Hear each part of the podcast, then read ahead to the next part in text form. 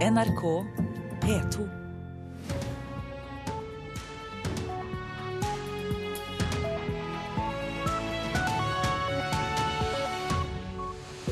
Her er Nyhetsmorgen med Øystein Heggen med mikrofonen i dag, og vi fortsetter med disse sakene.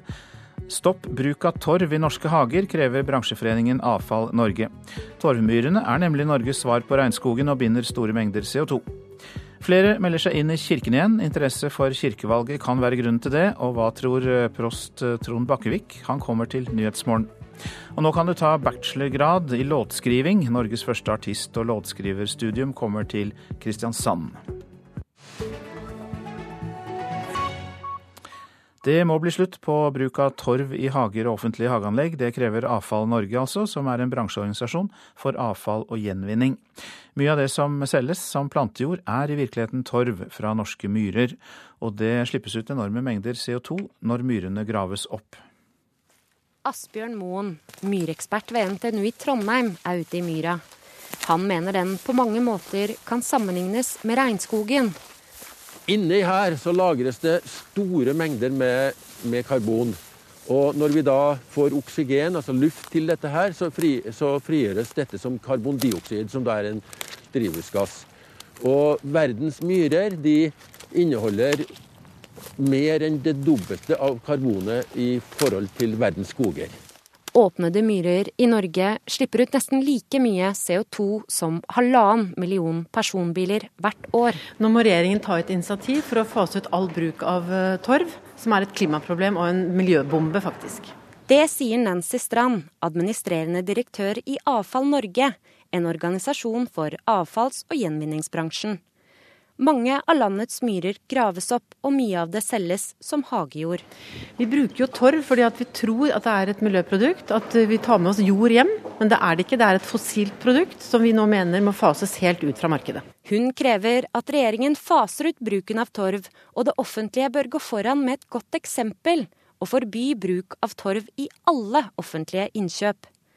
Lars Andreas Lunde, statssekretær i Klima- og miljøverndepartementet, innrømmer at bruken av torv er problematisk, og vil vurdere et forbud. Men sier det er vanskelig å finne gode alternativer. Men da er det da en forutsetning at det man da kjøper inn har mindre miljøskadelige effekter enn det man erstatter, som, som f.eks. torv. Derfor ser vi nå på om det finnes gode alternativer til bruk av torv i det offentlige. Reporter Oda Holm Gulbrandsen. Og Christian Stiel, velkommen til deg. Tusen takk. Du er generalsekretær i Samarbeidsrådet for biologisk mangfold, og eh, altså eh, Sibima. Og statssekretæren hørte vi her sier de skal lete etter alternativer til torv. Finnes de? Ja, det gjør de. Og Avfall Norge er jo blant de som har nettopp alternativene. De produserer kompost av matavfall og hageavfall. Og Det er jo en opplagt vinn-vinn-situasjon å bruke dette avfallet som en ressurs istedenfor å bruke et miljøskadelig produkt. Men med torv i hagene våre så dyrker vi jo nye planter som binder CO2. Kan vi ikke da si at problemet er løst? Nei, altså Myrer bruker tusenvis av år på å dannes én millimeter i året. Så når man ødelegger en myr, så er det en veldig lang leveringstid på å få myra tilbake. Mens det man dyrker av planter, det blir jo, kommer på en måte tilbake i systemet igjen veldig raskt. Og Vi tenker jo også at vi skal jo dyrke, selvfølgelig skal vi det. og Da må vi altså ha et alternativ. og Da får vi allikevel da eventuelt også denne karbonoppsamlingen som plantene gjør. Hvor store deler av torvmyrene i Norge er gravd opp nå? Vi vet at de siste 100 år så er en tredjedel av myrene våre ødelagt. og Ser man enda lenger tilbake, så er kanskje så mye som halvparten blitt ødelagt. Så dette er et svært alvorlig problem. Både karbonutslipp, men myrene er i tillegg mye bedre enn et kinderegg, fordi det demper også flom, de renser vann, og så er det ikke minst da et levested for svært mange trua arter, planter og dyr. I tillegg til det at det da binder karbon, si litt mer om det som da skjer hvis man eh, åpner eh, myrene? Er det sånn at eh, karbonet da forbinder seg med, med lufta? Ja, altså Relativt raskt så vil karbonet i torv Torv er nesten rent karbon og inneholder egentlig ingenting næring som plantene trenger. Vi må tilsette kunstgjødsel. Men dette karbonet vil ganske raskt da i forbindelse med luft bli omdanna til CO2, som er da en skadelig klimagass som vi ikke ønsker. Det er mye bedre at dette karbonet er trygt lagra nede i myra. Hva kreves eh, fra politikerne, syns du, for eh, å stanse dette og bevare de myrene vi har igjen? Vi er svært glad for at Klima- og miljødepartementet sier at de vil vurdere eh, å fase ut torv. Og de trenger ikke gruble særlig lenge på dette. Alle eksperter sier at torv er et miljøskadelig produkt. Eh, Miljødirektoratet eh, har sagt det. Eh, politikerne har også i samarbeid med sine nordiske kolleger fokusert på det store miljøproblemet som ødeleggelse av myr utgjør. Så det er bare for miljø, klima- og miljøminister Tine Sundtoft å sette i gang staten med å ta bort torv fra offentlig innkjøp. De kan gå foran med et godt eksempel. Til slutt, Hva er budskapet da til forbrukerne som skal på hagesentrene? Forbrukerne bør eh, skaffe seg et mye bedre produkt enn torv. Får man hjem en plante som er dyrka i torv, så får man en pleiepasient i hus. Eh, de har med seg lite næring i denne torva, eh, og de bør heller da etterspørre på hagesentrene kompostjord. Mange takk skal du ha, Christian Steele, som da er generalsekretær i Samarbeidsrådet for biologisk mangfold, Sabima. Takk skal du ha. Nå om at eh, flere melder seg inn i eh, kirken igjen. I hvert fall har prester i Den norske kirke registrert flere innmeldelser foran kirkevalget om to uker. Og det står jo i kontrast til statistikk som har vist synkende oppslutning om kirken. Og Trond Bakkevig, i denne anledning, velkommen til deg. Takk for det. Du er prost i Vestre Aker i Oslo. Og tror du innmeldingene har sammenheng med kirkevalget? Ja, det er helt opplagt at de har. Ehm, folk skjønner det er ikke store mengder, men det er noen som da skjønner at eh, skal de ha noen mm, innvirkning på hva Kirken mener, så må de være medlem og stemme. Men uh, dette er jo folk som har vært uh, utmeldt. Uh, vil dere ha dem som medlemmer? Det er ikke sikkert at de er så interessert i Kirken. Kanskje de er mer interessert i å være med i en kampanje for å endre Kirken, for å bl.a. godta homofilt ekteskap? Jeg tror ingen melder seg inn i kirken uten at de ønsker å høre til kirken og har en tro på Gud, en lengsel etter Gud, ønsker å vite at de hører til innenfor disse veggene. Men eh, hva tror du blir konsekvensene dersom bl.a. disse innmeldingene og eh, også den aktiviteten som er rundt valget nå, eh, mer enn tidligere år Hva blir konsekvensen hvis Åpen folkekirke får stor oppslutning? Konsekvensen blir ganske enkelt at vi får tydeliggjort mangfoldet i kirken. Vi får eh, som en konsekvens en eh, liturgi for eh, vigsel av likekjønnede. Og vi får to syn, to praksiser, og det lever vi godt med. Og så håper jeg inderlig at det også betyr toleranse for ulike meninger i kirkelig sammenheng. Nå er det jo flere steder eh, to forskjellige lister da, med to ulike oppfatninger av eh, dette sentrale spørsmålet. Men eh, hvor enkelt er det å finne fram til de man ønsker å gi en ekstra stemme til? Altså Det drives jo ikke noe valgkamp på samme måte som partiene gjør? Nei, og det er jo fordi det er lite penger ute og går i disse sammenhenger. Og så er det et sånt litt sånn ugreit situasjon at du har én liste som er veldig sånn Der er folk satt opp fordi de mener det ene eller det andre. Og så har du én liste som er en mangfoldsliste, hvor folk er satt opp fordi de er foreslått fra forskjellige steder. Og så ble listene avsluttet på litt ulikt tidspunkt, og noen av dem som står på den listen med mangfoldet, de eh, kunne kanskje ha ønsket å stå på den andre listen. Så her må folk rett og slett lete seg litt frem til navnene. Eh, velger de den ene listen, som er altså Åpen folkekirke, så vet de hva de får. Hvis de velger den andre listen og ønsker å stemme på folk og ikke ønsker å bevare mangfoldet, så må de lete seg frem til hva folk mener. Her, her, må det spørres og googles, tror jeg. Her må det spørres og googles, og informasjonen finnes der for alle sammen. Og noen bispedømmer har utgitt et godt informasjonsmateriell. Hjertelig takk for at du kom, Trond Bakkevik, som er prost i Vestre Aker i eh, Oslo. Så var det det avisen er opptatt av i dag. Selbu er et lykkeland for mennesker på flukt, skriver Adresseavisen. Saba Sium Tedros fra Eritrea er begeistret for bugnende kornåkre og bringebærkratt rett utenfor rekkehusleiligheten. Inkludert eh, mulig familiegjenforening kan det komme i alt 28 flyktninger til trønderkommunen i eh, år. Sahel i skyggen av Syria er oppslaget i Vårt Land. Tørke, matmangel, korrupsjon og islamsk ekstremisme har herjet denne regionen i det vestlige Afrika. Og i Mali er mer enn 700 000 barn under fem år truet av akutt underernæring, advarer Kirkens Nødhjelp. Godt nytt for eh, kommunalministeren, skriver Nasjonen om en meningsmåling som viser at 45% av Norges lokalpolitikere støtter sammenslåing av eh, kommuner.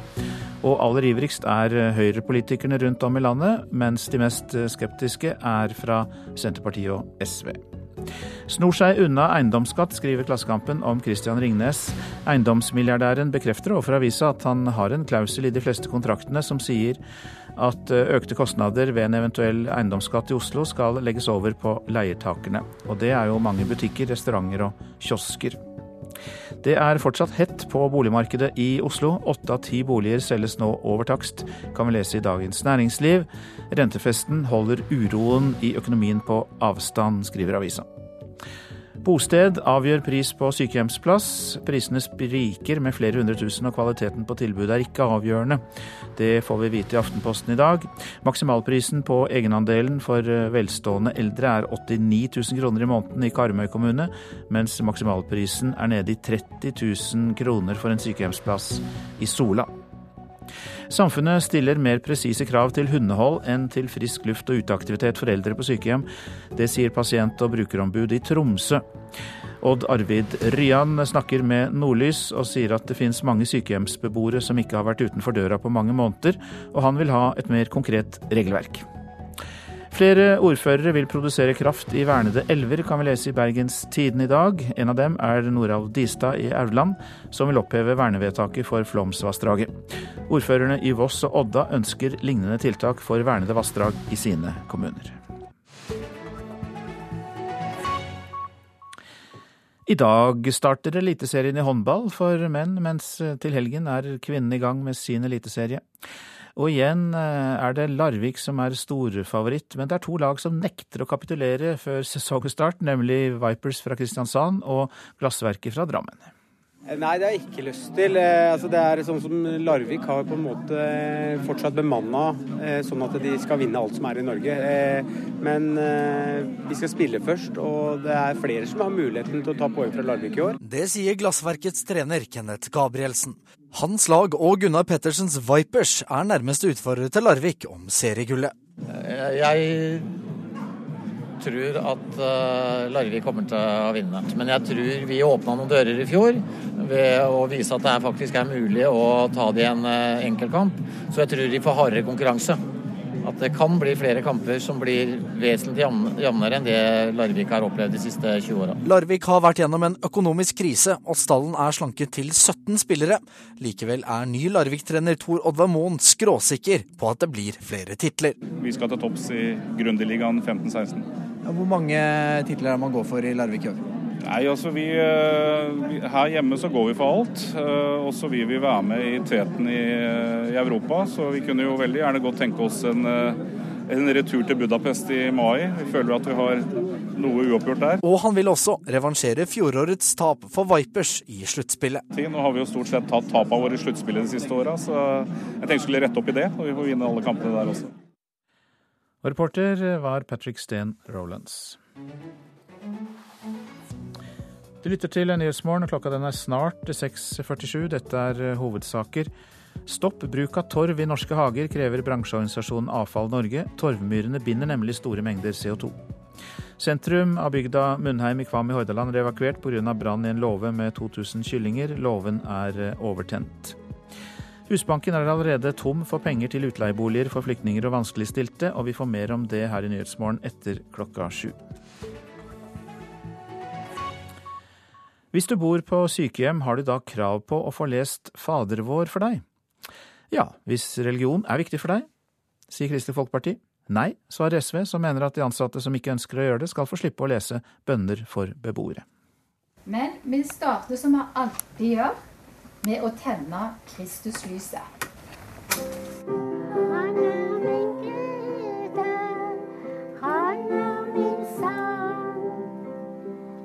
Det er lysandakt for demente beboere på Tastad sykehjem i Stavanger. Presten har kommet innom, og 15 pasienter sitter i en ring ute i dagligstova på avdelinga. Lystenning for hver enkelt beboer er en viktig del av samlinga, selv om det også byr på utfordringer for presten. Men Astrid, dette lyset Hva skal du gjøre? Da, Nå tenner vi lys.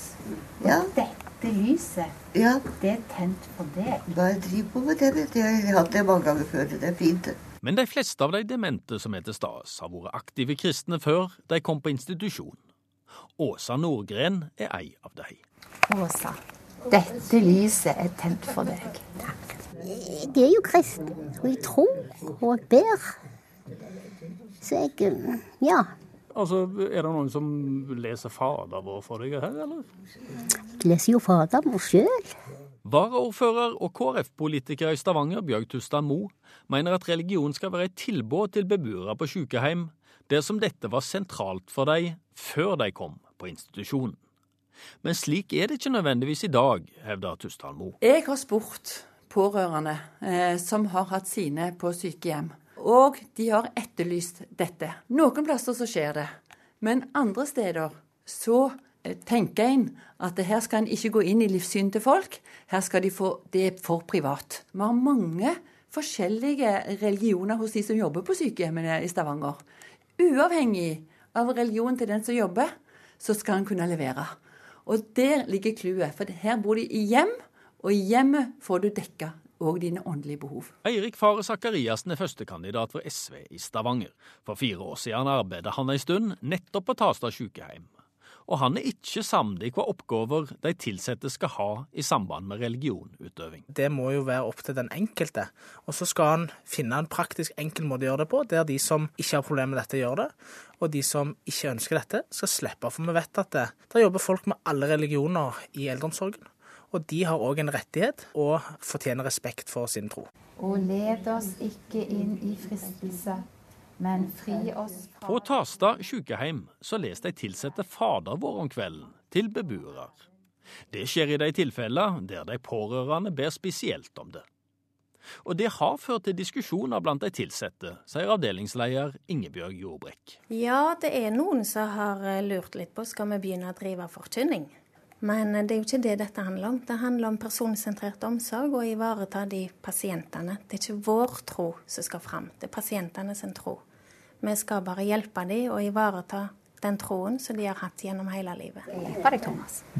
Det er ikke lett for alle på lysandakten å finne ut hvor sangen står i sangboka. Men for mange av de demente så gjør ikke det så mye. Tror du liker å synge? Nei, jeg ser ikke.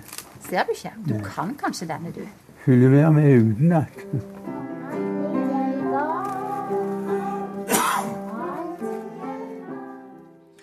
Og det var reporter Ingvald Nordmark som tok oss med på lysandakt på Tasta sjukeheim i eh, Stavanger. Det kommer rekordmange norske dokumentarfilmer i høst. Det er personlige historier og enkeltskjebner som er trenden. Kan jeg bli frisk? Du kan ikke bli varig helbredet med det vi vet her. Einar har fått uhelbredelig prostatakreft. I dokumentaren 'Einars forsvinningsnummer' tar han oss med på en siste reise til fots. Filmen er en av høstens 13 norske dokumentarfilmer som ble presentert på Norsk Filminstitutt i går.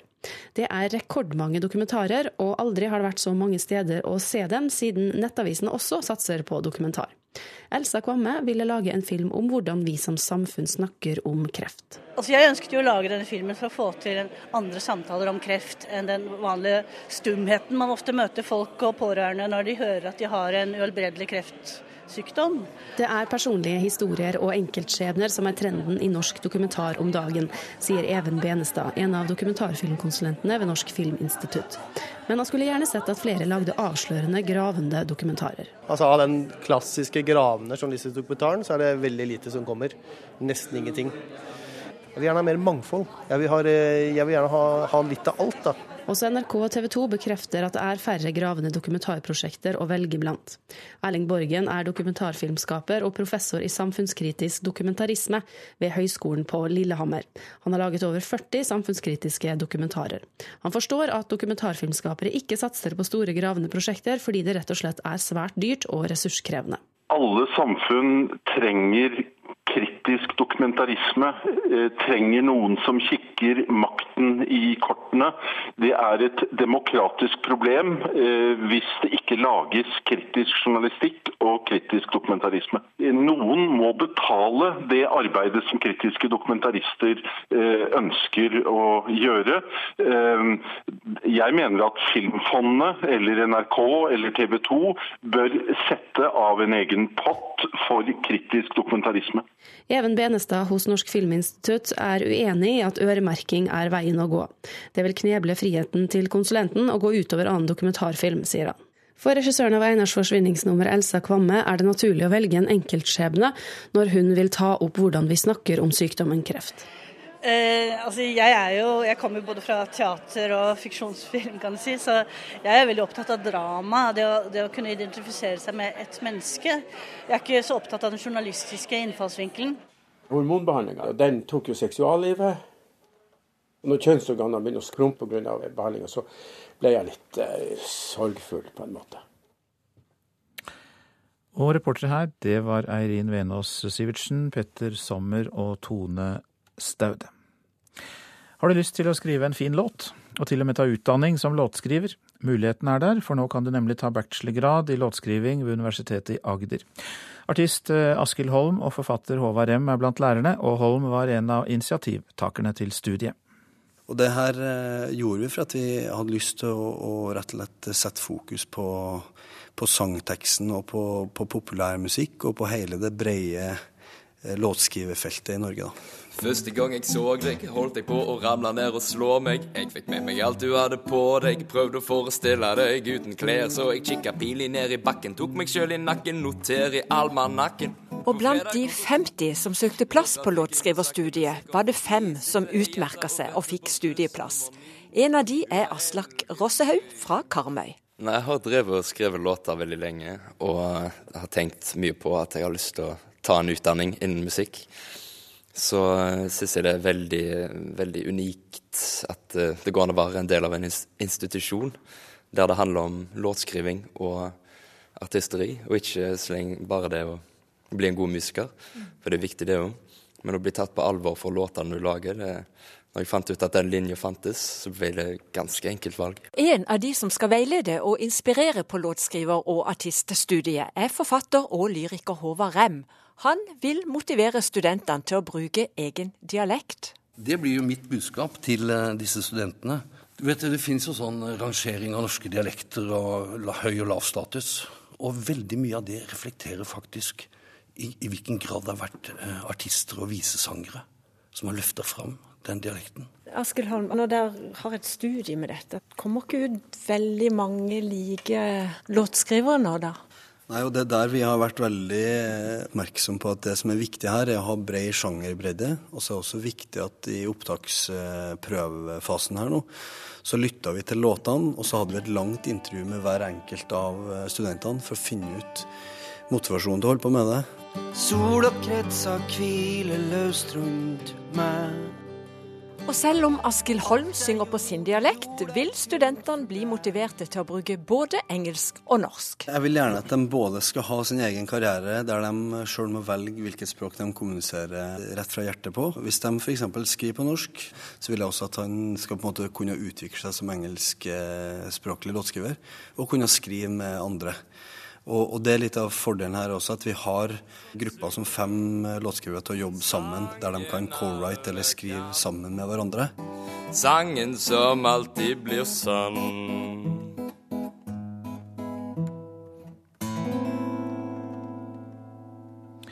Til slutt Aslak Røssehaug med sin egen sørgevise for unge herremenn, og den offisielle tittelen på studiet er Låtskriving som hovedinstrument. Reporter Janne Aateigen. Værvarselet nå. Fjell i Sør-Norge først. Sør for Jotunheimen opp i østlig sterk kuling utsatte steder først på dagen. Regn og regnbyger. Mest nedbør øst i Langfjella og øst i Jotunheimen. Østlandet og Telemark ser vi samlet. På kysten østlig stiv kuling, lokalt kraftige vindkast. Regn og regnbyger. Lokalt store nedbørsmengder. Agder regn og regnbyger, lokalt store nedbørsmengder. Rogaland liten nordøst kuling på kysten. Regnbyger. Fra i ettermiddag utrygt for torden. Hordaland liten kuling på kysten, minkende utover ettermiddagen riktignok. Regn fra i ettermiddag, stort sett oppholdsvær og perioder med sol. Sogn og Fjordane stiv nordøst kuling ved Stad, minkende vind i kveld. Skyet litt regn i sør og i indre strøk, men ellers opphold i Sogn og Fjordane. Møre og Romsdal liten østlig kuling utsatte steder, nordøst stiv kuling på kysten i sør. I kveld liten kuling, og det blir for det meste skyet oppholdsvær i Møre og Romsdal. Trøndelag liten øst- og nordøst eh, kuling utsatte steder. Kan hende litt regn i indre sørlige strøk, ellers skyet oppholdsvær. Nordland får stort sett pent vær i dag, men i Lofoten og Vesterålen kan det bli noe mer skyet enn i resten av fylket. Troms får skyet oppholdsvær. Finnmark enkelte regnbyger, ellers delvis skyet vær. Og så var det Nordensjøland på Spitsbergen ute i havet. Der blir det pent vær i dag. Vi tar med oss temperaturer målt klokka fem i natt. Svalbard lufthavn minus én grad. Kirkenes og Vardø pluss seks. Alta sju. Tromsø-Langnes seks. Bodø sju. Brønnøysund åtte. Trondheim-Værnes seks. Molde elleve grader. Bergen-Flesland, Stavanger og Kristiansand-Kjevik tolv grader. Så var det Gardermoen med elleve, Lillehammer ti grader, Røros to grader og Oslo-Blindern elleve grader. Og så ehm, legger vi til, eh, før eh, vi nå får Dagsnytt, at helseminister Bent Høie kommer til studio etter klokka sju. Han skal snakke om hvorfor det er så store helseforskjeller mellom kommunene her i landet.